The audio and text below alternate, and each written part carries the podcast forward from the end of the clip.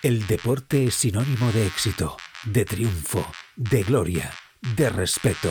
Los deportistas, atletas, jugadores, entrenadores son referentes, aclamados en todo el mundo y también son víctimas.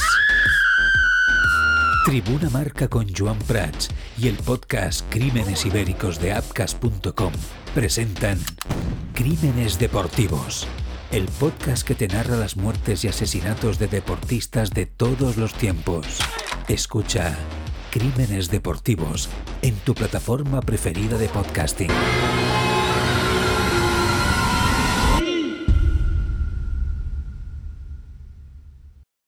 Bona tarda i benvinguts al Tribuna, un programa que fem damunt d'una bicicleta mentre xutem una pilota per marcar gol, avançant a la corba a 230 km per hora, amb la mà dreta llançant un tir triple, amb l'esquerra esmaixant amb la raqueta, i tot mentre nedem als 200 metres papallona.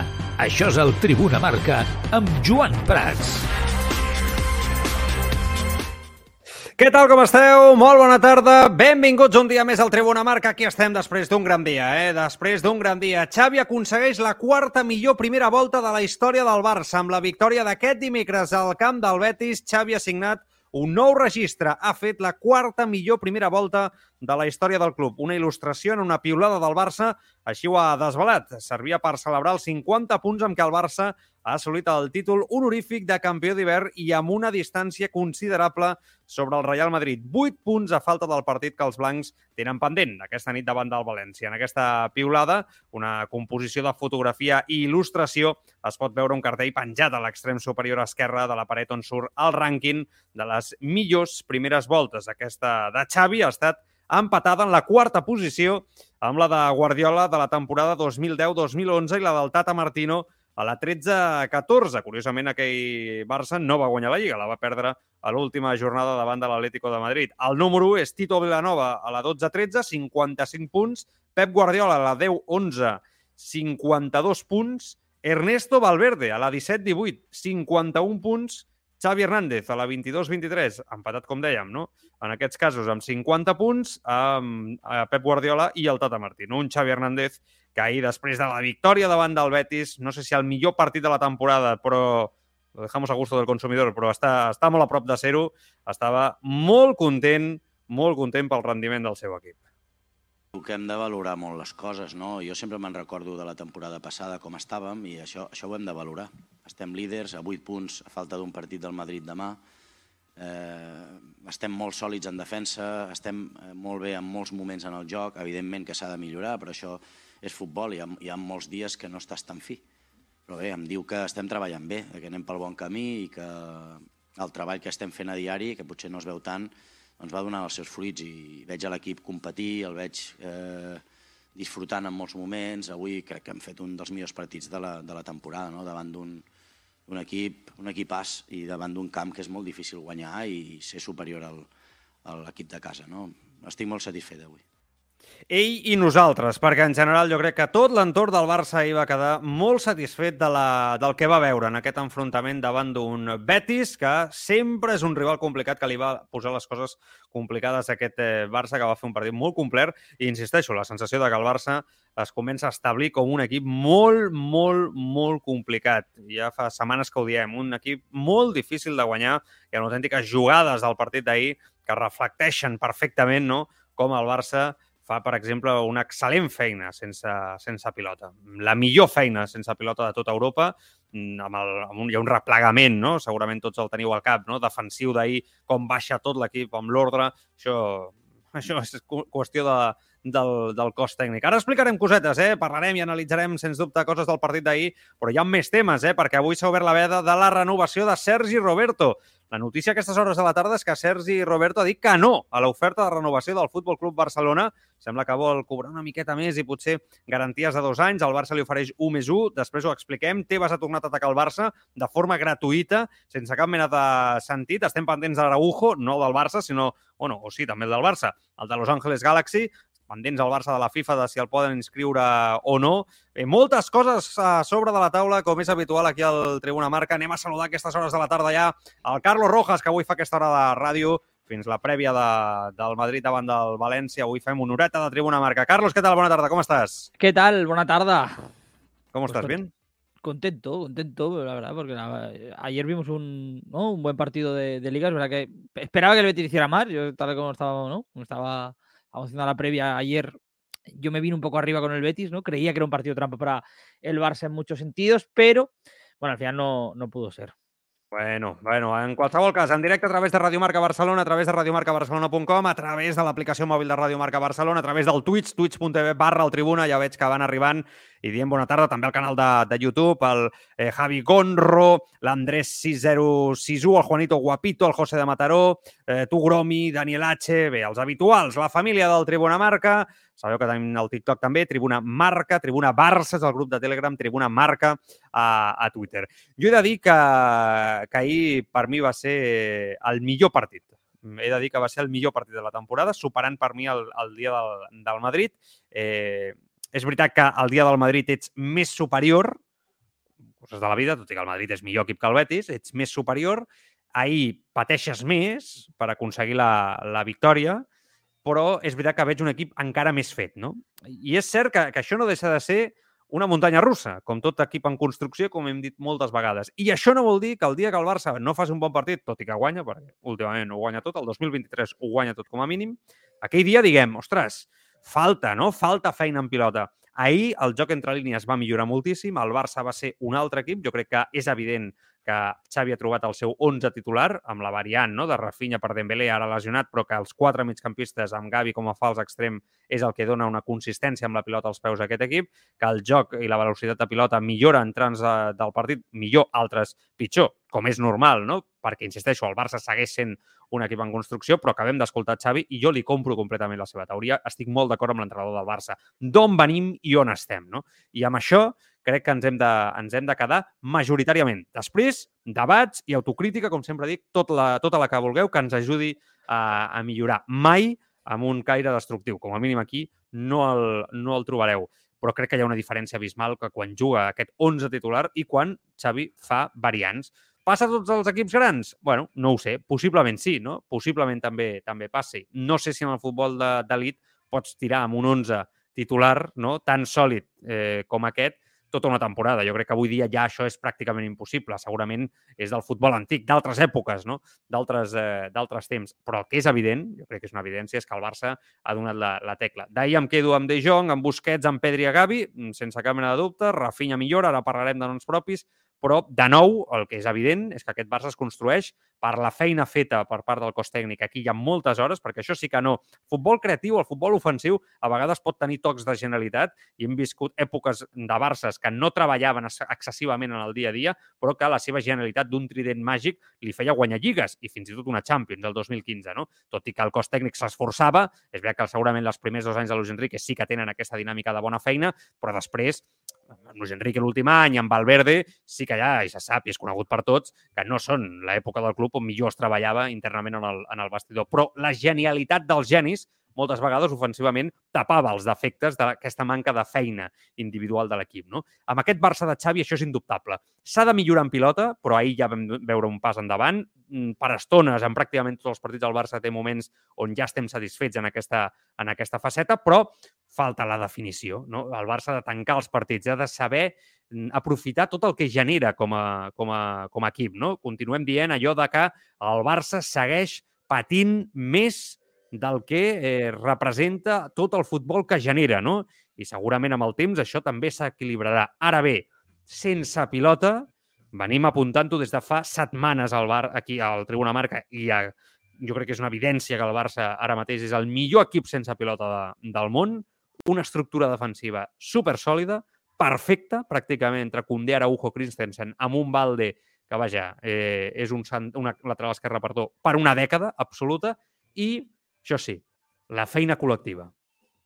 El Barça, la majoria de gols que fa, els fa de recuperacions altes, d'una falta ahir, per exemple, no? perquè té l'equip eh, Murri, té De Jong hàbil en aquella jugada, en aquella pilota, que filtra ràpidament per Valde, que la posa perfectament per Rafinha, aprofitant que el Betis està desorganitzat en aquell moment. Vull dir, el Barça, en, en, en aquesta mena de jugades, el Barça de recuperació alta, el Barça de, de, de sense pilota en general, jo crec que s'entén, fins i tot no només en caire defensiu, sinó també ofensivament quan treballa en aquest sentit, és ara mateix un equip molt perillós. I després, el, el replegament, no? quan l'equip rival surt a la contra, és pràcticament perfecte. I això té nom i cognoms, i és Xavi Hernández i el seu staff, perquè això no és, insisteixo, la vessant més intuitiva, més talentosa, més creativa. No, no, aquesta part només funciona al món del futbol, t'ho dirà qualsevol entrenador, si es treballa amb hores, hores, hores, estudi, parlar amb, el, amb, els, eh, amb els propis jugadors, eh, amb vídeos personals, etc. I te a explicar una anècdota, eh, bueno, una anècdota que és pública, però que és interessant, eh, Carlos. Eh, hoy he estado compartiendo tweets eh, con una persona que ha estado durante mucho tiempo dentro de ese vestuario del Fútbol Club, eh, del Fútbol Club Barcelona, ¿no? Eh, Marc Pons, que es el periodista que, que, además ha estado con el documental, ¿no? Este de Prime y que además también estuvo involucrado eh, mm, el documental del día menos pensado de Movistar, ¿no? Y que hoy, cuando yo he puesto un poco el vídeo del repliegue este famoso, ¿no? Que hace ayer el Barça, me comentaba que, dice, te puedo asegurar, Joan, me decía, que eh, este, este vídeo que tú acabas de colgar es lo que va a utilizar Xavi en el vestuario para preparar el partido del domingo ante el Sevilla. Se lo va a repetir en bucle, ¿no? Se lo va a repetir en bucle a los jugadores, ¿no? Me decía Marc que, insisto, ha estado durante un año en ese vestuario con unas cámaras y viendo cómo trabaja el cuerpo técnico de, de Xavi. Pues para mí que Marc Pons me haya dicho esto hoy, eh, para mí tiene un valor enorme, ¿no? Porque digo, ostras, es que eh, me confirma, ¿no? Que, que, se está trabajando bien, ¿no? Con todo lo que tenga que mejorar, que seguramente lo habrá, pero por fin el Barça es un equipo trabajado. Yo creo que ya es algo que hace dos semanas dijimos, que daba la sensación de que el Barça había dado ya, cerrado una etapa, ¿no? Y que habría una nueva etapa, pero que la etapa de la negatividad, de la destrucción más, más absoluta se había frenado gracias al trabajo de, de Xavi. Yo creo que, que lo de ayer lo, lo, confirma. De momento, a 8 del Madrid, ¿eh? Sí, sí, eh, la verdad es que es increíble, ¿no? Si al Madrid le sale hoy un mal partido, 8-7, ¿no? Mm, sería, o no sería, o, una locura, ¿no? Muchísimo, Prácticamente muchísimo. Eh, liga no sentenciada, porque no queda muchísimo, pero. Faltaría ese clásico, ¿no? Pero paso, si, sale vivo, si, sale vivo, el clásico, lo tienes hecho, ¿no? Eh, Con la diferencia de puntos. Bueno, yo realmente, a mí lo que me gustó mucho del Barça ayer fue que fue un equipo muy equilibrado. O sea, ya la, el gol, ¿no? Tarda en llegar, porque la primera parte tiene Pedri varias importantes, ¿no? Para, para avanzar al equipo. Luego la, en la segunda, cuando. O sea, daba la sensación, a mí me dio la sensación de que el Barça, en todo momento, esto es algo que dije mucho el Madrid el año pasado, eh, estaba claro que iba a marcar. Es decir, el Barça estaba muy seguro por sensación, por cómo estaba jugando, ¿no? Por cómo estaba controlando los tempos del partido que el gol llegaría, ¿no? Es decir, ¿no? Eh, eh, ya tiene ese oficio, ¿no? Ha llegado a ese punto de confianza un poco en, su juego y en su estilo, y a mí me dio esa, esa, sensación en todo momento. Y luego, cuando marcó el primero, ya no digo el segundo, sino el primero, ya me dio la sensación de que el partido estaba acabado precisamente por eso, porque cuando tú tienes una sensación de control tan grande, eh, el 0-1 evidentemente en el fútbol no es definitivo, incluso cuando estás dominando y estás controlando el encuentro, pero si encima ¿no? este, este resultado ocurre ¿no? En un contexto en el que el rival prácticamente ¿no? no te está llegando, no te está generando, a pesar de que luego el Betis se fue animando con el paso de los minutos, bueno. pues eh, bueno, si dentro cabe, ¿no? Porque fue. No, que, que, eh, si, no luego el Barça, ¿no? Pero bueno. si no llegase por lo de Cundé, creo que Exacto, el Betis se, se anima poco, ¿no? Sí, sí, pero bueno, eh, hay una, la jugada que tú, creo que a la que has hecho mención, ¿no? Que la compartiste en Twitter. Eh, yo, justo cuando la vi, mm.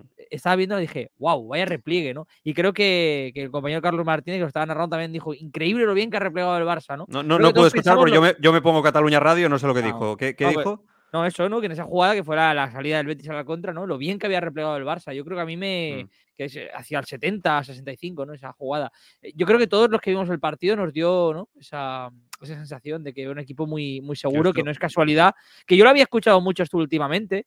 Que el Barça aquí, había marcado. Aquí, aquí, lo hemos dicho mucho, esto lo llevamos meses diciéndolo. No, no, digo lo otro. Que yo había escuchado mucho últimamente ah. que, el, que, el, que el Barça llevaba seis goles y que era algo prácticamente anecdótico, ¿no? Que los equipos no o sea, estaba defendiendo bien, Joder. pero tampoco era nada del otro mundo. Joder. Yo creo que jugadas como la de ayer, ¿no? Dice mucho de, del pues nivel no sé quién lo decía, ¿eh? Pero vamos. Bueno, eh, Había leído por, por, muchos lados. Está claro que muy buen ojo no tenía, ¿eh? Quien lo, quien lo, dijera, que no sé quién es.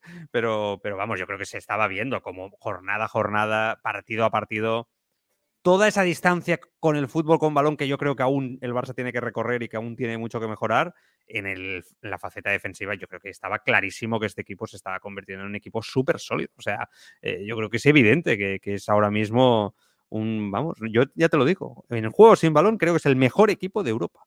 Y te voy a decir más, de los Barças grandes, de los Barças grandes, mm, yo te diría que si no es el top, lo igualaría al, al de Guardiola de la etapa de Villa, de 2010-2011 ya. ¿Sabes? Que ahí también hacían un trabajo eh, muy férreo, ¿no? La presión alta y también estaba muy trabajado. Para mí, todos los otros Barsas a este nivel no han estado, ni de presión ni de capacidad defensiva.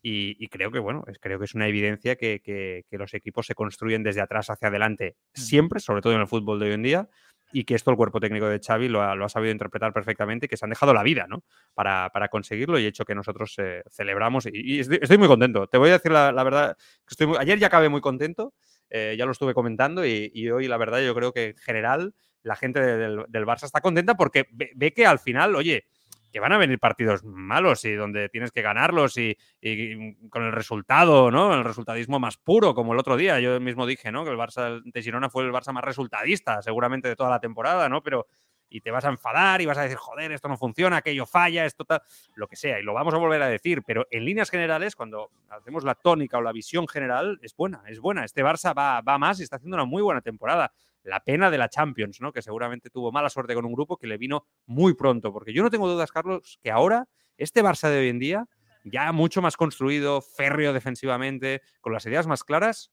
estoy seguro que competiría mucho mejor con el Bayern y contra el Inter. No me cabe claro, la menor Claro, claro, yo creo. Vamos, y además, porque precisamente los dos equipos que has mencionado, ¿no? Han bajado un poco. Yo que me escuché la rueda de prensa de Xavi, no ayer, la de anteayer, eh, él precisamente no hablaba de que hay varios equipos que están pasándolo mal, ¿no? Tanto el, el Liverpool, ¿no? También ponía al Bayern y al Inter, ¿no? Como, como ejemplos, ¿no? Equipos que han bajado. Yo, mm. fíjate, ahora mismo si el Barça jugara la fase de grupos ahora, ¿no? Sería seguramente el favorito de ese grupo junto con el Bayern, ¿no? Evidentemente que no podemos subestimar, pero eh, está claro que hay equipos que han ido para arriba y hay equipos que han ido hacia abajo y el Barça se encontró para mí con dos problemas. Seguramente que físicamente en aquel punto de la temporada, ¿no? Joan estaba muy mal, las lesiones y no está, el equipo le parecía que le costaba, que no llegaba ¿no? los partidos.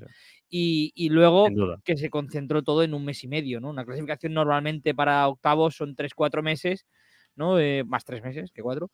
Pero si tú lo tienes un mal mes como tuvo el Barça, bueno, luego tienes dos, ¿no? Para intentar arreglarlo en, Champions. El mm. Barça no lo tuvo, ¿no? O sea, tuvo un mes malo y, adiós, ¿no? Justamente coincidió. Eh, empezó a rehacerse justo cuando acaba la fase de grupo, recordemos, ¿no? Aquel partido contra Sasuna y demás, y ahora ya después de, todo aquello, ¿no? Eh, bueno, realmente mm, son fases de la temporada, es verdad que el timing no fue el mejor para el Barça, tampoco debe ser excusa, yo creo que el Barça tiene que aprender de muchas cosas y ha aprendido de muchas cosas de esos partidos contra Bayern, Inter, ¿no? Y, en general la Champions, pero, pero yo creo que claramente se ha demostrado, por mucho que hay culés ¿no? Y barcelonistas, con razón, que todavía les cueza eso, ¿no? Y que le haya condicionado mucho la temporada, no nos engañemos. Creo que realmente la buena noticia es que el Barça tenía dos opciones, o hundirse como equipo después de eso, ¿no? Hundir el proyecto, o aprender de los errores y salir adelante. Y ahora es que como equipo solo te falla en ese tramo. En ese tramo donde se decide la, la, Champions se pierde contra el Madrid. Es que solo te falla en ese tramo como equipo el Barça. El resto de la temporada es impecable a nivel de resultados. Después, insisto. La, prueba de algodón va a ser ahora, quiero decir, en, en, Europa contra el United, que no es Champions, pero es una eliminatoria de Champions. Sin duda, y con un Manchester United que además creo que se ha clasificado ayer, se clasificó para la, final, de la Liga, de la, Copa de la Liga. De la FA Cup y, sin duda está mucho mejor que al principio de temporada. Los dos, ¿no? Tanto Manchester como Barça eh, son dos equipos que están, están mucho, mucho mejor. Pero que en líneas generales es verdad que, el equipo va, va más. También te digo una cosa, el palo de la Champions es por eh, momento, por glamour, por la humillación que representa irte a la Europa League, pero sobre todo por dinero. O sea, al final eh, el Barça lo que pierde ahí es dinero. Dinero en llegar pues a lo que tienes presupuestado, etcétera. Porque creo que coincidiremos todos, ¿no? En que el Barça este año no le daba para ganar la Champions ni para disputarla. Que te puedes plantar, etcétera. Bueno, yo creo que todos íbamos a la Champions con la sensación de, bueno, vamos a volver a hacer un papel digno en la Champions, ¿no? Que yo creo que es lo que el Barça tiene que recuperar en Champions League, porque hace mucho tiempo que, que cae eliminado de una forma terrible, ¿no? En, los últimos años, sea en eliminatorias o, en fases de, grupos, ¿no? y eso es lo que creo que el año que viene va a ser el principal objetivo, sin lugar a dudas, del, del Barça, que es volver a ir a Europa y mirar a los ojos a los grandes rivales y plantarles cara, que si sigue así, con este trabajo del cuerpo técnico, no tengo la menor duda de que va por el buen camino. Anem amb uns propis del partit d'ahir, eh, perquè avui tenim, tenim una, una horeta i hem de, hem de posar el coet eh, per analitzar-ho absolutament eh, tot. Eh, bueno, un nom, si voleu, comencem per aquí, que és el de, el de Rafinha. Ahir jo crec que bueno, vam coincidir tots també a la prèvia, no? quan ho vam fer aquí al Tribuna Marca, que es jugava segurament eh, part important del seu crèdit com a futbolista en aquest partit. Havia de fer un pas endavant amb l'absència de Dembélé, que és clau en aquest cas pel, pel, pel propi entrenador, per Xavi, per Xavi Hernández, i s'ha de dir que Rafinha va fer un bon partit. Més enllà de ser golejador, eh, més enllà de que potser va estar millor a la primera meitat que a la segona, va tenir criteri amb la pilota als peus, va demostrar de nou personalitat i es compleix aquella norma que hem comentat el Carlos i jo moltes vegades, de que quan està Rafinha al terreny de joc passen coses, no? Després és veritat que està mm, potser molt lluny de ser un jugador mega, super, mega crack determinant que potser és el que esperàvem, no? Quan fèiem una aposta tan milionària per un brasiler del Leeds United que volia mitja Premier League, no? Un jugador que pràcticament portés la batuta ofensiva de, de l'equip i que fos un, un martell no? Eh, constant des d'una de les eh, bandes. Però és cert que mm, el talent està allà i que a dia d'avui està molt pel davant, crec que ho veiem tots, de Ferran Torres o Ansu, per posar dos noms no? que competeixen allà eh, en, en, en posició, no? d'alguna manera. Va parlar Xavi Hernández després del partit, per, eh, del partit no? precisament de, del brasiler Rafinha. Bé, han estat bé, només, només amb el, no només amb el, amb el gol, sinó el treball de, defensiu, eh, en la pressió alta que la, la començava a fer el Rafa. Eh, bé, el Rafa està sent decisiu en, en molts partits. No? És un altre jugador que està, que està criticat, però, però fa gols decisius i marca la diferència i treballa per l'equip i corre. I sap greu perquè el, la gent valora poc, poc les coses, però nosaltres el valorem molt. El Rafa i és, una, és un futbolista molt important, igual que el Robert. El Robert avui et marca una altra vegada la diferència, treballa per l'equip, eh, com, es, com es desfà en la, en la pressió alta. Bé, molt content avui, de veritat que estic personalment molt content avui. Los amantes del ciclismo ya tenéis vuestro podcast. Seas globero, amateur o profesional, apúntate a la grupeta de Escapa Podcast. La actualidad de la semana, las competiciones, ciclistas destacados, equipos Escapa Podcast, con entrevistas, debate, la información técnica y las novedades del mercado de la bici gracias a la tienda líder de ciclismo. Escapa, ponte el maillot con nosotros. Escapa Podcast, en las principales plataformas de podcasting. Bueno, sens dubte. És veritat que Rafinha ahir va ser el jugador que més pilotes va recuperar, si no m'equivoco, del partit, i és, és, és evident que la, la feina defensiva és impecable no? del, jugador, del jugador brasiler. Eh, solo una cosa, ¿eh, Carlos? Eh, me da la sensación que estamos empezando a valorar más los jugadores del Fútbol Club Barcelona por el trabajo sin balón que con balón. Porque, no, pero es que esto, esto no ha pasado nunca en la historia del, del, del Barça, en la historia reciente, eh, pero es que es decisivo. O sea, el trabajo que, que, hacen los jugadores del Barcelona sin balón es decisivo. El que hacen con el balón en estático, entenderme ¿eh? cuando digo esto, eh, o sea, cuando el juego, el, el juego es más posicional, ahí al Barça le, le, cuesta marcar goles, por lo, por lo, menos la tónica más habitual de los últimos partidos. En cambio, gracias a, esa, a, ese trabajo sin balón, que me hago muy pesado y que no lo voy a dejar de repetir, eh, creo que gracias a ello el Barça está marcando la diferencia, ¿no? Posiblemente en, también en ataque, más allá de que en defensa sea muy sólido. Pero es que hasta Xavi, en rueda de prensa, ¿no? cuando le preguntan por un jugador, yo creo que se ve obligado, ¿no? Porque es que la, la, la diferencia que marca el equipo es tan grande, ¿no? En esta faceta, que claro, eh, al final, pues cuando eres técnico, te preguntan por ello, pues tienes que destacarlo, ¿no? Es evidente. Pero que con balón también lo hizo muy bien. Sí, sí, totalmente de acuerdo. Yo la, la, sensación es que en el Barça hoy en día no se había entendido cuando hablábamos de no solo de correr hacia atrás y de todo aquello, ¿no? Eh, uno de los mantras yo creo que, que, identifica muy bien, y no quiero comparar el fútbol del Barça con el del Liverpool de Klopp, ¿no? Pero que siempre ha dicho Klopp, ¿no? Klopp siempre comentaba que el gegenpressing, ¿no? presión alta en alemán, es el, el, mejor número 10 del mundo, ¿no? Que no hay mejor 10 del mundo que el game pressing, porque si tú recuperas la pelota, ¿no? En, en zonas peligrosas, ¿no? Pues eh, estás en una situación de superioridad manifiesta, ¿no? Que al final no tienes que creártela tú con el balón, aunque evidentemente el Barça es un equipo que plantea el fútbol de otra forma, pero yo creo que ese trabajo sin balón de los, de los futbolistas también se entiende para ello, ¿no? Porque si tú recuperas el balón en una, en una zona del campo en la que ¿no? el equipo rival eh, se ve en una situación comprometida, vas a tener mucha más facilidad para crearle una ocasión a ese equipo claro, claro. que si lo haces ¿no? Eh, en estático. El Barça yo creo que todavía tiene debes en estático, que es lo que criticamos más, ¿no? Siempre más en juego posicional, pero mm, creo que el trabajo sin balón que estamos valorando estos futbolistas es importante porque el Barça de Xavi considera que así debe ser y porque creo que es uno de los rasgos identificativos de este equipo. La pregunta es si ho aconseguirà, no? Vull dir, Esa, és otra. Clar, eh, eh, si en pilota el Barça de Xavi Hernández aconseguirà el nivell que esperem, eh, que és quan tu fitxes un entrenador com Xavi és per recuperar precisament aquesta, aquesta essència futbolística que, insisteixo, pràcticament ho ha fet ja, eh? Vull dir que en, en moltes estones... Ahir, per exemple, el Barça busca el tercer home amb criteri constantment, ataca els quadrats, o sigui, eh, sap jugar entre línies, hi ha velocitat de pilota, hi ha trams que no tant, sobretot, per, per exemple, a l'inici de la segona meitat potser no tant, però eh, encara no és aquell punt d'excel·lència amb la pilota als peus, no? portant la batuta dels partits. Jo crec que aquest Barça, per exemple, també li costa molt defensar-se en pilota. És, una, és un, un altre factor que és habitual en el, en el, en el, en el que és el sistema Barça, no? l'ADN més pur, i aquest Barça sembla que està més còmode venent, quan ha de defensar, eh? venent-ho tot a la fiabilitat defensiva de la seva estructura, ja no només dels quatre de, del darrere, sinó és que tot l'equip, com diem, el sistema defensiu és fantàstic i sembla que està més còmode venent-ho tot a la gran qualitat defensiva dels seus jugadors que a pausar el joc, defensar en pilota, que és el que passava, per exemple, en l'època de Guardiola. Són diferències. A cap a on va el Barça? Aquesta és la, aquesta és la pregunta. O sigui, cap a on va el Barça? Jo crec que en pilota Xavi aspira a això. I, de fet, si ahir el Barça, a totes les ocasions que té, està més eh, clarivident de cara a la porteria contrària, avui segurament no estaríem parlant tant, tot i que també, de l'excel·lència defensiva o del joc sense pilota que acaba sent decisiu també en, els partits a l'hora de marcar gols. No? Eh, és cert, segurament estaríem dient que, mira, el Barça juga fantàsticament i a línia tres quarts cap endavant és decisiu, oi? Amb, el, amb, amb la fiabilitat que té. Però també és veritat que hi ha aspectes del Barça en aquest sentit que ens fan veure que encara està lluny d'arribar a, aquest Barça que, que esperem. bueno, veurem cap a, cap a on va.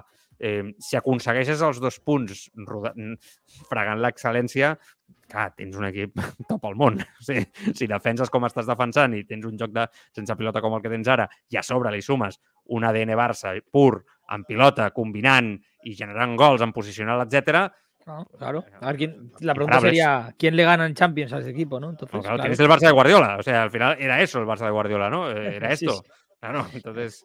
Quiero decir que, es que era excelencia en todo. Claro, pero es que quizá no se puede. O sea, es, que, que, no sé, que no sé, ¿eh? que no lo sé. Que yo, yo creo que Xavi está obsesionado seguro con, con conseguir esa excelencia. Y claro, pero hay, hay un pero... elemento. O sea, tú puedes jugar muy bien al fútbol como equipo dentro de tus posibilidades. El Barça de Guardiola jugó todo lo mejor que podía porque era un equipo con las ideas claras, bien aplicadas, bien ejecutadas, pero eh, los jugadores que tenía además eran talentos históricos, eran individualidades históricas. Ahora el Barça tiene jugadores muy buenos, muy, muy buenos.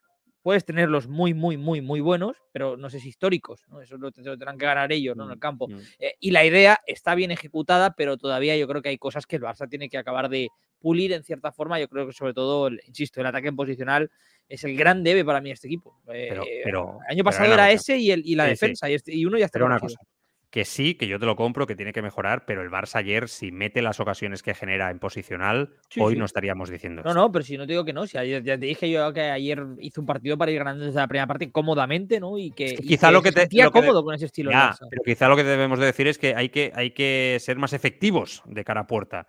¿No? Eh, empezar a, a, a, poner el ojo ahí, ¿no? El objetivo ahí. Porque sí, sí, yo también, creo que, también es el porque... tema. Ahora, también te digo una cosa. ¿Cuántos equipos de Europa juegan mejor al Barça con el balón en los pies? Es que en posicional atacando así en parado. Es que no hay muchos, ¿eh? ahora mismo a día de hoy. ¿City juega mejor? City juega mejor para Vale. mí. ¿Arsenal juega mejor? El Arsenal también. Vale, yo te voy a ir diciendo nombres que seguramente vas a decir a todo que sí, ¿vale?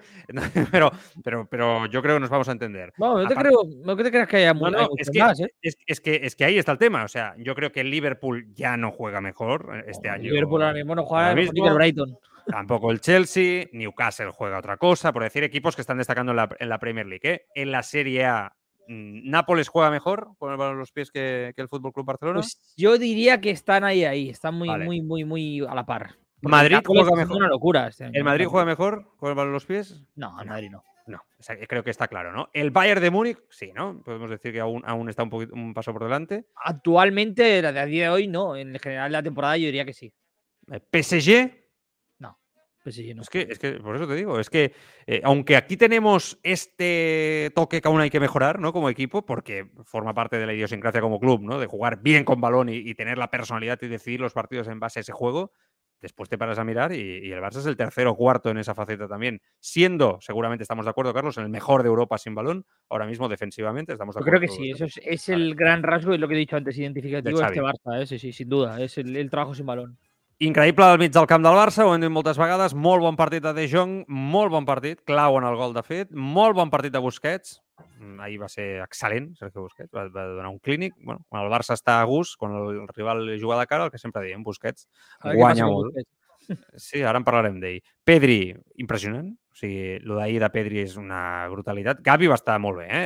I Gavi, a més, és decisiu amb la pressió, amb tot el que et posa, també sense pilota, el que vulguis però el de Pedri ahir, quan està inspirat com ahir, és, és Zinedine Zidane. O sigui, el, el partit juga al tempo i al ritme que vol ell en cada moment, no? Aneu-me al símil, eh? A Pedri encara li queda molt. Però jo ahir vaig tenir, la gent diu molt Iniesta, Iniesta, jo ahir vaig tenir la sensació de que estava veient a Zidane. A Zidane et controlava el ritme del seu equip en cada moment, no? Eh, I, i, i Pedri ahir vaig tenir aquesta sensació, no? Mai havia vist un jugador amb aquesta capacitat d'accelerar els partits com Zidane tenia fins que estic veient a Pedri darrerament al Barça. En roda de premsa a Xavi li van preguntar per Iniesta, la comparació Pedri-Iniesta, que compta amb això perquè és un jugador molt jove, tot i que té el cap eh, molt ben posat i, el, i tot, tot el que tu vulguis, però a vegades també els periodistes en això són molt... No? Ens venim a dalt molt ràpid. Jo el primer, eh? faig autocrítica. No tinc cap mena de, de problema en fer-ho. Però li pregunten eh, per la comparació entre Pedri Iniesta i a Xavi en roda de premsa i diu això. Comparamos la carrera, pues todavía Iniesta gana por goleada, ¿no? Pero que puede ser muy bueno Pedri, que ya lo es, que ya lo es, pero es un jugador de verdad de otro nivel. Yo he visto muy pocos como él. De talento al, nivel de Andrés. Pero Andrés tuvo una continuidad hasta todavía está jugando. O sea que imagínate.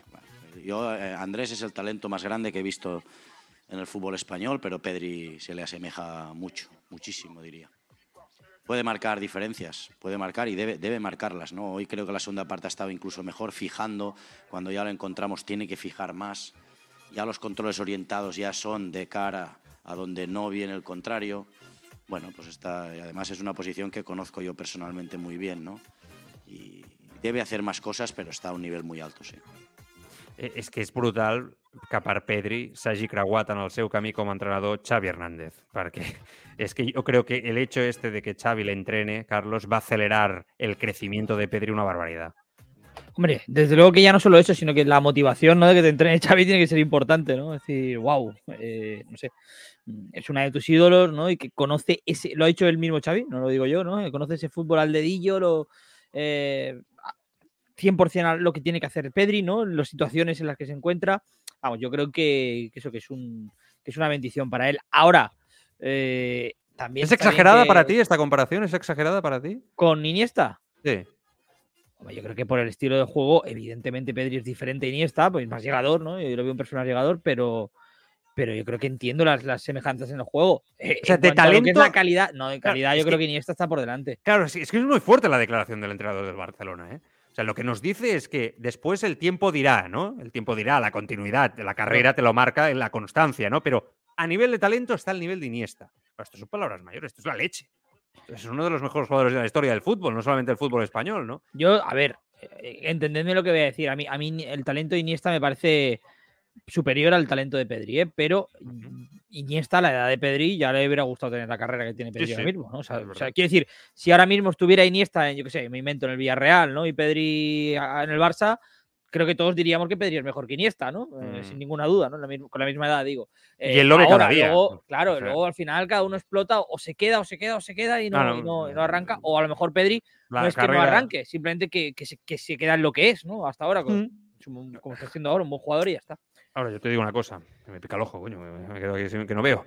Eh, para mí el mayor talento del fútbol español es Xavi, pero bueno, esto, esto, no lo va a decir él, pero bueno, esto ya lo digo yo. Ya sé que esto no, hay mucha gente que no lo cree así, pero yo, yo creo que el, yo no me cansaré de decirlo. Yo, yo, estoy de acuerdo, en o sea, yo en parte, o sea, yo creo que el mayor, el mayor talento que ha dado el fútbol español es Iniesta, pero siempre me quedaré con Xavi en la, en la comparativa de mejor jugador español de la historia. Y, y en la personalidad en el campo, Xavi estaba por delante de Iniesta con el balón en los pies.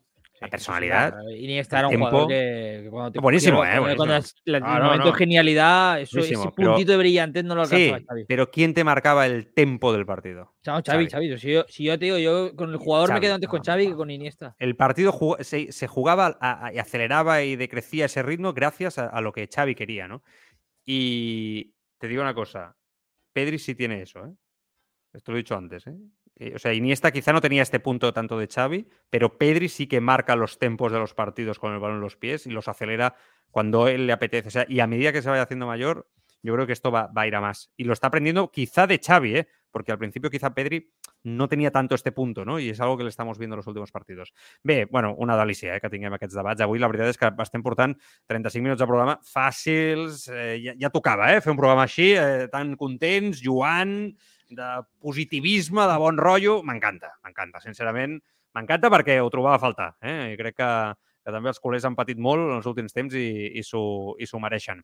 Mm, moltes queixes a l'arbitratge de, de Burgos de, de Bengoechea amb la jugada clau, però en general, el Betis, amb la jugada clau del gol. Eh, la veritat és que s'ha manipulat molt amb aquest tema. Ho he de dir tal com ho sento. No? Eh, és una mica trist, no? perquè només cal veure les imatges per veure que De Jong treu d'on es fa la falta no? i que Gavi, en el transcurs amb el que arriba a caure, va uns metres més enllà. Llavors la manipulació, pues ja us la podeu imaginar si no l'heu escoltat, ¿no? Es que escuchado, ¿no, Carlos? Supongo la manipulación esta que, que sa- sacan, ¿no? Desde, desde una posición que, que no es. ¿Estás de acuerdo, no? Que, que, que, que Gavi cae en un sitio y de- ahí es donde se hace la falta y, y que después cae más adelante y que se bueno, es que se es que no, no lo puedo llamar de otra manera. Yo creo que es una manipulación de los hechos. Me sabe mal, pero es que es lo que, A ver, que yo pienso. viendo en general, ¿eh? ya no lo digo solo por esa, por esa jugada, viendo cómo acabó, cómo fue el partido, cómo se desarrolló, que el Betis acabara como acabó, ¿no? que pareciera que fuera aquí un, ¿no?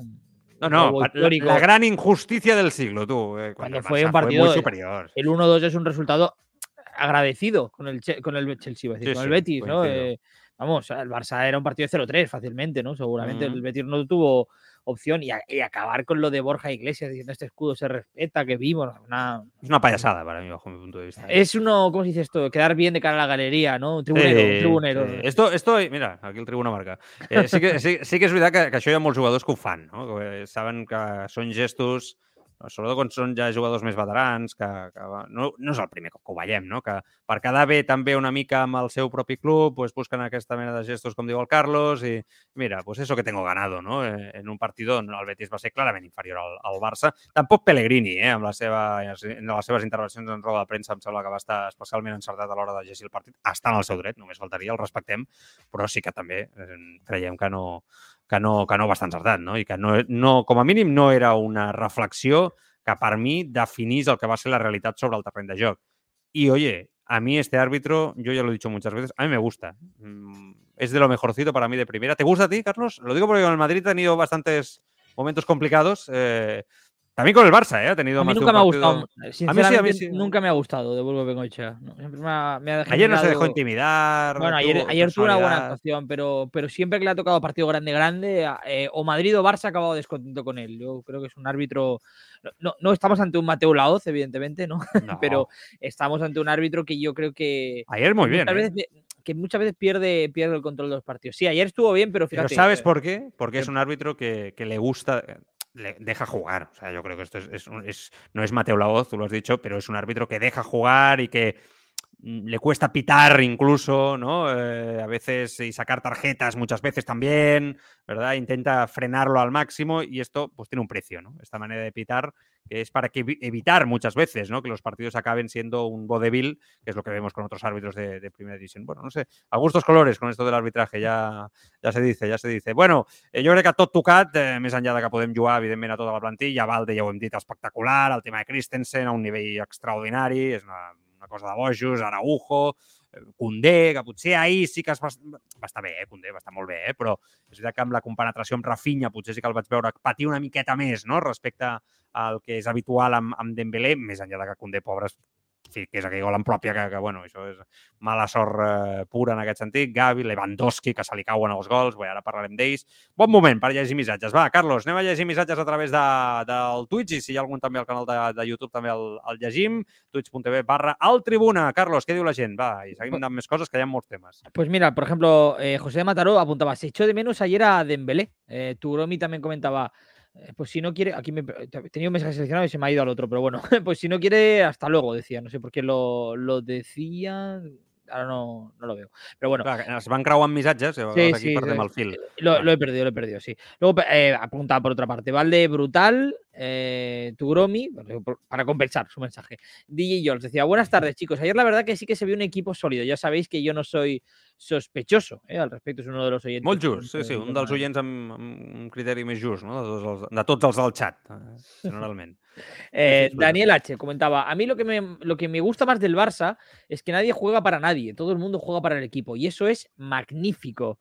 Indy A apuntava, a la Champions va coincidir la lesió d'Araujo, Koundé i Christensen. Crec que va ser la clau de l'eliminació. José de Matar apuntaba, el primer gol empezó con la inteligencia de De Jong, la calidad de Valde y el oportunismo de Rafinha. Para la 777 decía, Xavi ha sido el único que cuando ha jugado bien el equipo nunca ha jugado mal. Y Luis, Luis, eh, Luis Cáceres decía muchas gracias por tenernos informados, gracias a ti por escucharnos. Y DJ Jols te preguntaba, Joan, ¿qué hay de cierto en los rumores que corren por ahí de que la construcción del campo la va a hacer una empresa turca a mitad de precio? Bueno, eh, la construcció la fa una empresa turca, bàsicament.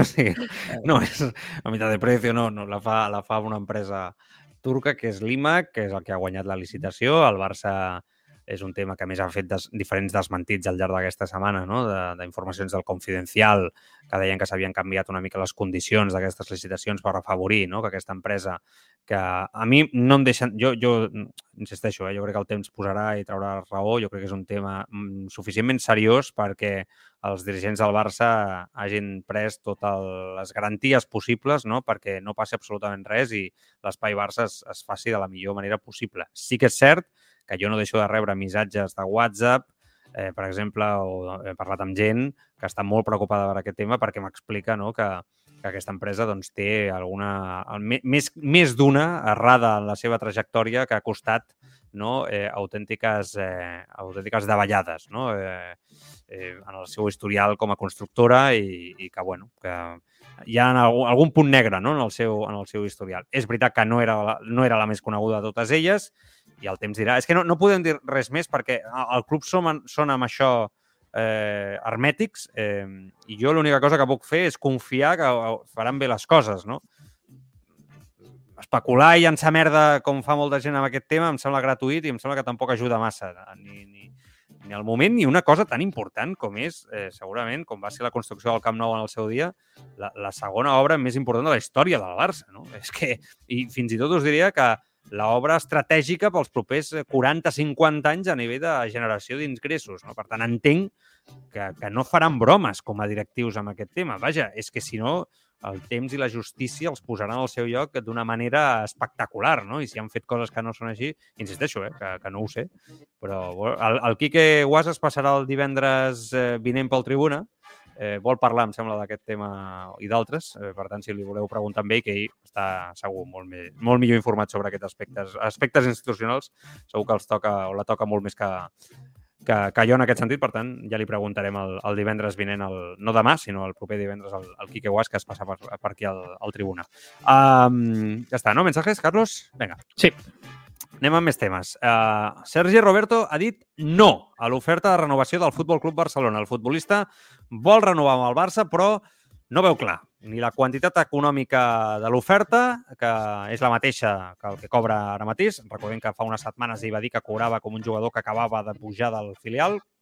Segons tinc entès, cobra entre un milió i mig i dos milions d'euros per temporada i que tampoc li agrada això de la fórmula d'1 més 1 que li ha presentat el Barça. Ell vol dos anys, que li augmentin una miqueta el sou, però sobretot el que més li ha molestat és això del, de l'1 més 1. No? Eh, no, li, no li acaba de fer el pes a Sergi, Sergi Roberto, fins i tot preferiria un any que això del, de l'1 més 1, no? de que el club tingui el poder, diguéssim, d'alguna manera, per poder decidir sobre, sobre el seu futur. A veure, eh, Xavi ha demanat la seva renovació, Jo crec que això ja juga a favor de Sergi Roberto. En aquests paràmetres econòmics, Sergi Roberto, jo ja ho he dit moltes vegades, no molesta, és un jugador de vestidor, polivalent, que serveix, però que tampoc se'ns posi exquisitos. Yo creo que sería la conclusión de todo esto, ¿no? Porque si se pone exquisito se va a ir. Es que no hay más. Recordemos que está en el Barça por prácticamente por él, ¿no? Porque el Barça ya no le podía empujar más a irse, ¿no? A Sergio Roberto cuando acababa su contrato el año pasado, en verano. Él prácticamente, no sé lo que cobra, sinceramente, pero cobra. Entre uno y medio y dos, es lo que te he dicho antes. Se rebajó, claro, es lo que digo, es que rebajó tanto, tanto, tanto, tanto, tanto su sueldo, ¿no? Que, que al final el Barça, bueno, y, se negó prácticamente no a escuchar a los demás, ¿no? Equipos que, y las demás propuestas que llegaron que al final el Barça, bueno, por un poco, yo creo que por porque es de la casa, un chico que se ha criado aquí y demás, ¿no? Le dio ese, ese año, pero si ahora se pone exquisito, yo entiendo que él a lo mejor ha visto que en el lateral cuando ha jugado no ha sido importante, ha gustado y que a lo mejor está en condiciones de pedir algo más, ¿no? Eh, pero hay que ser realistas. Yo defiendo su continuidad. Me, me, encanta Sergi Roberto como persona, creo que es un chaval que hace vestuario y que ayuda al club una barbaridad pero hay que ser realistas en la vida, ¿no? O sea, hay que saber de cuál es tu posición también en la empresa donde trabajas, en todo, hay que saber. Sí, sí, ahora viene, eh, si te estás comparando, por ejemplo, en un mercado en el que está disponible, ¿no? Digamos, Arnau Martínez, ¿no? Si veremos el Barça por él o no. Que no, pues que no. Es que yo creo que el Barça no dudaría, ¿no? a quién, por quién ir. Pero Sergio Roberto se queda por, por la polivalencia. Yo, yo, ya no lo vincularía ni al lateral derecho, Carlos, porque yo lo, lo, vincularía a que es un jugador que entiende el sistema perfectamente, que puede jugar en el centro del campo en varias posiciones, que puede jugar en lateral derecho, que hace vestuario, que es de la casa, jugador veterano ya, eh, por eso. Entonces, Pero más por, esto segundo que por lo otro. ¿eh? El centro del campo, Sergio Roberto, a mí. Bueno, ha jugado de vez en cuando este año también. Pero, también es verdad que últimamente acumula muchas lesiones. Es un jugador que Xavi tiene una relación personal con él, yo creo que muy buena, ¿no? De su etapa ya también como, como jugador. Pero no nos engañemos. O sea, al final. Sergio Roberto es un jugador que lo mejor ya lo ha hecho en el Fútbol Club Barcelona, ¿no? Y a mí me hace gracia que en el Madrid vale aquello de, renovar año a año a supercracks cracks mundiales, ¿no? Que lo han ganado todo, pero en el, Barça no vale. Esto me hace mucha gracia a mí. En el Barça no, en el Barça no. Sergio Roberto tiene que tener dos años. Y Marcos Alonso eh, no podía renovar en el mes de junio, no. También tenía que ser eh, ahora, que no ha acabado siendo inscrito, porque ya sabéis el tema con la liga, ¿no? Pero eh, pues yo creo que el Barça tiene que seguir la tónica del Madrid en ese aspecto. O sea, oye, cuando acabe la temporada, con jugadores ya de cierta edad y que lo han hecho todo, pues se habla, vamos viendo. se conversa, vamos viendo, ¿estás a gusto tú? Sí, yo también. Pues oye, seguimos. No, oye, gracias por todo, lo mejor ya ha pasado, homenaje y ya volverá seguro, seguramente en el futuro, ¿no? Y con Sergi Roberto yo creo que ese es el punto al que se tiene que llegar.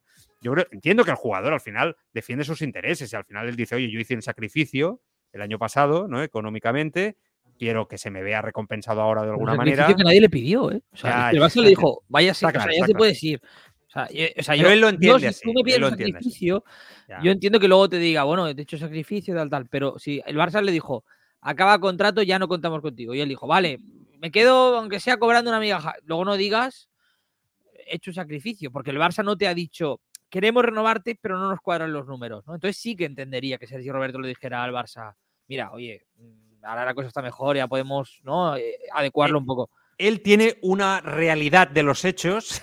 Esto pasa mucho ¿eh?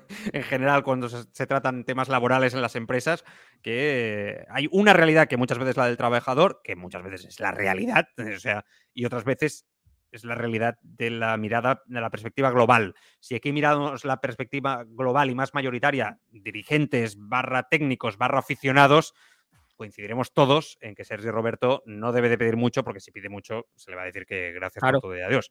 Eh, creo que es una evidencia, ¿no? Lo que estoy diciendo. Pero bueno, vamos a ver cómo acaba. Me ha sorprendido, ¿eh? sinceramente, que rechazase esta oferta del Barça. Mm, no creo que sea lo más inteligente, eh, porque el año pasado ya molestó bastante la actitud de Sergio Roberto en algún tramo. Mm, yo, yo ya se, cuando habló en Raku, se le entendió todo. Cuando él decía, no, no, yo he fet y tal, y me roba chat, y porque es un chaval majísimo y él lo hizo pues porque quiere quedarse en el Barça y renunciaba a un dinero y por encima del dinero, pues, oye, que tampoco cobra poco, pero prefería pues seguir en el, en el Barça, pues chapó, ¿no?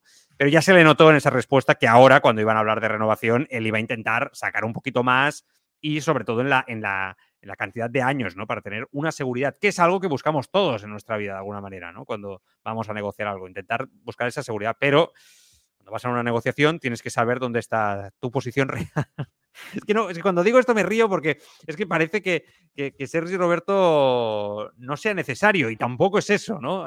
Porque leo que yo- comentarios también. Yo, todo, yo sinceramente no creo que sea necesario, Joan. Yo sé que hay mucha gente que le tenéis mucho apego a Sergio Roberto, pero yo he visto desde fuera, no sé, yo creo que es un jugador, lo, Joder, lo dije manía mil con veces que- año pasado. con que soy el defensor de Sergi Roberto por excelencia. ¿eh? No, no, no, no, yo no lo decía por eso, no lo decía por eso, pero yo, Tiene 30 años, tampoco es tan mayor, ¿eh? eh, no, yo sé que hay mucha gente del Barça que también piensa como tú, aunque es verdad que también creo que tu postura no es la mayoritaria en el barcelonismo, viendo un poco cómo ha ido este último año con el Bueno, Barça. yo, yo digo que Sergi Roberto es un chaval, en lo personal, extraordinario. O sea, es un tío majísimo. Es un, es un trabajador. Yo no, no, mm, sí, yo creo que nadie lo niega esto. Yo creo que nadie lo niega. O, o quien lo niegue quizá no tenga una visión correcta ¿no? de, la- de las cosas. Pero yo creo que él, la, la Me interpretación están, que me está están este diciendo entre bambalinas que no es tan majo. Eh, me están aquí yo, yo tengo aquí a, alguien por aquí que me está diciendo Vaya, tan majo no es, tan majo no es. Bueno, bueno, en todo caso, seguro que nadie es perfecto, evidentemente, ¿no? Pero que quiero decir que al final este tipo de figuras, Carlos, los necesitas en el vestuario. Que te hagan Sí, grupo, pero- que conozcan el club y más con una plantilla tan joven. Pero llega un punto en el que dejan de serlo, ¿no? Yo creo que el- para el Barça llegó ese punto el año pasado, hizo un esfuerzo, o sea, yo creo que, que, el que Sergio Roberto está en el Barça, no nos engañemos, porque, entre comillas, se lo pidió al Barça, ¿no? Hazme el esfuerzo por encajarme, porque yo me quiero quedar aquí. En, Y Xavi casa, dio la tal, tal". cara por él. dio la cara por él, le costó, ¿eh? hay que decirlo, porque no- hasta mediados finales de junio no dio la- no tuvo la decisión definitiva, pero cuando la tomó, yo creo que quien le debe un favor al Barça, entre comillas, es Sergio Roberto. O sea, ¿no? Sergio Roberto ha estado aquí, pues si te vas a seguir, pues será Nada, con pues las que- condiciones que te diga el Barça. ¡Que pague por jugar! ¡Fuera! No, que pague por jugar, no, pero que siga por, por- acabado por lo, por lo mínimo. O sea, quiero decir, es que no está, o sea, sinceramente, el Barça podría hacer una planificación deportiva sin Sergio Roberto perfectamente. O sea, que Sergio Roberto le diga al Barça, pero- me has te he hecho un no favor rebajándome el, sí, salario. Es Que sí, no que lo- tienes toda la razón, pero que no solamente es lo puramente futbolístico. O sea, cuando yo defiendo que Sergi Roberto siga en el Barça, lo digo desde un punto de vista, sobre todo, basado en que tienes una plantilla muy joven, en eso estamos de acuerdo, ¿no? Sí, Y, sí. que, y que es verdad que Sergio Busquets, ahora vamos a hablar, parece que se va a ir. Tú necesitas esta figura del jugador ya de 30 años, has perdido a Piqué. Jordi Alba no es ese perfil para mí, ¿eh? No, respeto toda la opinión, pero para mí no, no lo es. De líder eh, a nivel de conocimiento de club y, líder perfecto, en este caso a nivel de mensaje para los jóvenes. Y Sergio Roberto, yo creo que suma, eh, no resta, y que al final una plantilla tiene que tener más de 20 jugadores. y que tampoco va sobrado. O sea, si tú mañana pierdes a Sergio Roberto, vas a, ir, vas a ir al mercado, entiendo, a buscar una figura más o menos parecida para que entre en rotación, ¿no? Sin ser un jugador titular. Y quizá hasta Carlos te cuesta más caro que esos eh, uno y medio, Sí. dos millones de euros. Entonces, a Sí, eso me refiero, ¿no? Que, que con un rol secundario y de vestuario yo creo que es interesante. Y por eso el Barça, y por eso Xavi dice que, que entiendo que quiere que continúe, ¿no? Pero bueno, en fin, eh, que es el eterno debate de Sergi Roberto i sus renovacions, que cada, cada és el de Dembélé, no? Cada any estem igual. Amb el, amb, hi ha alguns jugadors que patapam, no? Sempre estem, sempre estem allà. Amb el tema de Sergio Busquets, eh, bàsicament el Barça i el seu representant, Josep Maria Orovic, segueixen parlant aquests dies de la renovació. La realitat és que Busquets escolta, però no ho veu clar. No acaba de donar un pas endavant.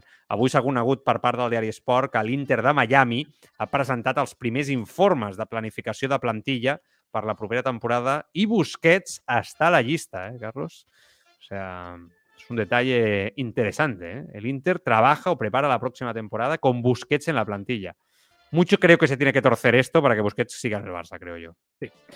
A ver, te digo, salvo que no tenga, tenga algo firmado, es muy fácil decirle al Inter de Miami, o sea, con quien no tiene nada, ¿no? Busquets, ya me entiendes, de ninguna Sí, sí, un acuerdo verbal. verbal, digamos. Oye, sí, que al sí. final esto no, mira, he cambiado de postura y ya lo vamos viendo para 2024, no sé. O sea, quiero decir, no. Pero otra cosa es que tuviera un precontrato o un contrato firmado, que no es el caso, porque si no, no estaría siquiera Claro. planteándoselo. Pero a mí me cuesta creer, o sea, yo, eh, ya no solo en el fútbol, en la vida, ¿no? O sea, las cosas tienen que salir y, que a- y tú le puedes decir a Busquets, piénsatelo dos veces, y si Busquets viene y te dice, me lo he pensado dos veces y sigo queriendo irme, y, te- y le dices, piénsatelo una ter- una tercera vez, y Busquets dice, bueno, me lo he pensado una tercera vez, eh, también quiero irme, y la cuarta, y ya le estás forzando, yo creo que las cosas tienen que salir natural. Y tiene que, o sea, no es por un Sí, sí. no querer jugar en el Barça. Si Busquets no está a gusto o no se quiere, o se quiere ir, no creo que sea por algo con, No, final de etapa, lo ha ganado todo, él es ya daba por hecho que se iba a ir, eh, es la obsesión del es cuerpo decisión técnico. y hay que respetar, hay que respetarla. Yo, eh. y yo entiendo eh, que el Barça, o sea, evidentemente, el Barça tiene que pensar también en sus intereses como club y los intereses de la casualidad que son que siga Ser- eh, Sergio a decir, Sergio Busquets. ¿Sabes qué pasa? ¿Sabes qué me veo yo? Que este Barça va a acabar muy fuerte la temporada este año. Yo estoy seguro. Soy muy optimista. Ya veremos qué pasa. Es muy es pronto, sí, quizá para decirlo, mes de febrero, pero soy optimista. Y con el centro del campo este de los cuatro siendo muy protagonistas, ¿no? Dando la sensación de que es un equipo muy sólido basado precisamente en este centro del campo. Claro, la obsesión va ser que Busquets siga, vamos, tant, tant sí com no, no? D'una forma ferotge ho lluitaran, no? A mort, em sembla a mi. Eh, el que passa és que Busquets, jo, és el que diu el Carlos, té el seu dret, s'ho ha guanyat i s'ha de respectar també, no? I quedar-te un jugador que té dubtes d'aquesta edat tampoc crec que sigui el millor, eh? Perquè Busquets jo crec que és un gran professional, que quan l'equip juga un futbol molt reconeixible encara brilla i juga partits com el d'ahir excel·lents, però és veritat que Busquets, quan l'equip, el Barça no juga aquest futbol, mm, hi ha molts partits que queda sobre la foto de forma molt clara, eh? I, bueno, doncs el Barça ha de ser capaç de trobar jugadors en el mercat, mm, és veritat que les circumstàncies no són les millors, però que puguin no, sumar-se a aquest mig del camp tan bo, perquè, claro, esta es otra, Carlos. No todo el mundo se puede adaptar a este centro del campo con ciertas garantías. Esto también hay que decirlo. Al final estás, estamos hablando de un centro del campo formado por De Jong, que se han reencontrado a él mismo ¿no? de forma clara y evidente en los últimos tiempos y está por fin brillando en el Barça. Pedri, no, metes ahí a quien sea y parece, vamos, un elefante en una cacharrería. O sea, es que no todo el mundo pega ¿eh? para jugar ahí en este, en este caso. Es, no es fácil, es que no habría muchos jugadores que estén en el mercado en el centro del campo que puedan llegar a jugar en ese fútbol y, y encajar al nivel de lo que lo hace Busquets. De ahí la psicosis de Xavi, claro. No sé, ¿te viene algún nombre? Eh, así ahora, o sea, Zubimendi, ¿no? Que se dice mucho. Eh, yo estaba pensando en Vale, Zubimendi. pues no, pues no. Pues yo te digo que no. O sea, yo creo que Zubimendi es buenísimo y te digo que para mí Zubimendi en este caso eh, no creo que esté... Rodri, Rodri sí. Rodri sería, ¿no? Una pieza que te encaja, yo creo, bastante bien. Claro, sí, sí, es que tienes que rascarte el bolsillo. tienes que rascarte el bolsillo de forma importante porque el City. Bernardo Silva sería otro si pones a De Jong quizá un poco más atrasado. Claro. y- y Bernardo Pues sí, porque De Jong ha funcionado ahí hasta ahora de momento, ¿no? No sé si Sí, una temporada entera. Que como veis no estamos comprando mucho lo de Bernardo Silva de las informaciones que estan salint los últimos dies. Estem atents eh, a tot el que està sortint de Bernardo Silva i el Barça i de que ell vol marxar del City de nou i s'està torn, tornant a parlar molt d'això. Però és que, sincerament, crec que hem de ser bastant curosos donada la situació econòmica del club ara mateix, no? I començar a fer volar coloms eh, sobrenoms i que poden costar autèntiques milionades, crec que no és massa responsable. Eh, molt ràpid, del tema Julián Araujo no sabem res. El Barça sembla que hi ha cert optimisme en finalment la FIFA autoritzi la inscripció com a jugador blaugrana. L'entorn del futbolista explica que vol que se li respecti el contracte i que encara que no pugui jugar, pugui entrenar-se al Barça Atlètic per demostrar el seu nivell. Ell sent, ell se sent blaugrana a tots els efectes. No sé jo, bueno, ja veurem com acaba aquest tema. El Barça haurà de pagar 1,25 milions eh, d'euros al Bayern de Múnich per eh, Lewandowski segurament. Així està estipulat el contracte entre les dues parts. És una variable del contracte. Si superava els 25 gols en una competició oficial, en aquest cas la Lliga, li queden dos, per tant va pel camí. I és increïble el de Tebas. És increïble. Li pregunten per les opcions de que Mbappé i Haaland arribin a la Lliga Espanyola, per aquestes filtracions, ara ho comentarem, no? que hi ha hagut respecte a les clàusules de sortida que tenen els seus contractes o les últimes renovacions en el cas d'Mbappé i el contracte amb el City en el cas de Haaland, i el tio de cop, al xiringuito, sense que vingui a cuento, aprofita per, per atacar el Barça.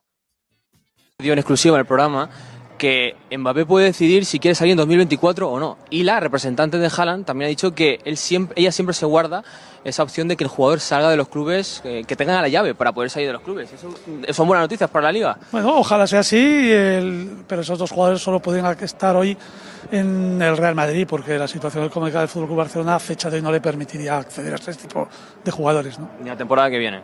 Tampoco. Mucho tendría que cambiar las cosas en el Fútbol Club Barcelona a nivel económico para poder incorporar esos jugadores la temporada que viene. Muchísimo que yo lo vería imposible. Manía persecutoria. o sea, está obsesionado con nosotros. Hombre, pues imagínate ahora, ¿no? Después de lo que Claro, ha pasado. claro. És que, eh, a, a Sala i Martín, el que va dir ahir, jo li compro 100%. Vull dir, a- després d'escoltar-lo encara, encara més, no? El que vam escoltar ahir. És, és Yo una creuada, eh? una creuada Eh, personal. Tebas, la ve venir y dice, oh, esto la voy a enganchar donde yo quiero, ¿no? O En manos de quién está el fútbol español, ¿eh? Qué penita. Bueno, pues Madre es que no, a mí no me, no me sorprende, no me sorprende ni, ni, ni Tebas ni Rubiales, ni ninguno de los dos. O sea, es que son dos personajes absolutamente surrealistas, cada uno por diferentes motivos. ¿eh? O sea, no, no están tallados por el mismo corte. O sea, que- al contrario, tenemos figuras en el fútbol increíbles, ¿no? Por un lado y por otro. Pero bueno, Ah, qué pena. es otro debate. Y en ese mismo acto, a Cerezo, presidente del Atlético, le preguntan por la Superliga. Yo creo que si lo escucha Tebas le da algo este, este corte en, zona, en la zona de prensa ahí que dijo Cerezo. Lo escuchamos. Llevo diciendo siempre que nadie puede poner obstáculos a una nueva competición. El Atlético de Madrid estaría dispuesto a seguir en la Superliga porque está, el está el- Atlético de Madrid siempre está con los ganadores y con los que están. Pero otra cosa es que si el Atlético de Madrid quiere estar y otra cosa es que si la Superliga puede ser. Y yo creo que la Superliga podrá ser y será, si no este año, dentro de cinco años, pero será la Superliga. Bo. Bueno, bueno, bueno, bueno, eh? el discurs comença a canviar, eh? Jo crec que és evident, o sigui, és que és una evidència que el discurs està canviant. A mí me da la sensación de que no mide un poco sus palabras Cerezo, ¿no? Porque Bueno, yo creo que es claro. No, no, o sea, no. Claro, en lo que dice sí. O sea, en, en- en nuestro caso sí, pero en lo que es el de cara al socio del Atlético de Madrid, ¿no? Porque recordemos que ahí hubo una montada en el Atlético de Madrid, sí que hubo un rechazo brutal por parte de la afición, que el club se desdijo y criticó. ¿no? Mucho a la Superliga y que ahora salga y lo comente prácticamente como si fuera algo anecdótico, me parece. eh, Cuando es una Hay cambio de club. discurso aquí, ¿eh? Yo creo, yo creo que hay cambio de discurso, ¿eh? Sí, yo sí, creo no, que hay no, una cambio de discurso está claro, pero vamos, me parece un poco a la ligera. Bueno, o sea, Hem de, hem de marxar. Eh, el Peter Smack em diu, a ver, Joan, céntate, Lewy lleva 14 goles, aún le quedan 11 para, para 25. Sí, sí, sí, m'he liat jo. teniu raó, teniu, teniu, teniu raó, teniu raó, és veritat. Eh, però bueno, eh, ahí está la clàusula, eh? Por lo menos ahí está la clàusula. Ya vamos sumando, vamos sumando goles. Raó. No sé collons he, he fotut jo en el guió, que m'he- embolicat. Gràcies al, als oients, com. Un par de mensajes rápidos y nos vamos 30 segundos menos. José Luis Sánchez Sánchez dice, si los próximos rivales del Barça juegan como el Betis, que parece un equipo juvenil, seguro que ganará la liga, aunque se ha visto que el Barça ha mejorado mucho ofensiva y defensivamente. Y luego, por otra parte, yo decía, yo soy muy partidario de no hacer contratos largos a jugadores que tengan ya una edad, por lo de Sergio Roberto. Molt bé, a veure què fa en aquest cas el Madrid, eh? Tornem nosaltres eh, demà, Carlos, hasta el lunes, tu, eh? Hasta, hasta el lunes. Demà estic jo amb el Marc Truco. Cuideu-vos molt, adeu-siau.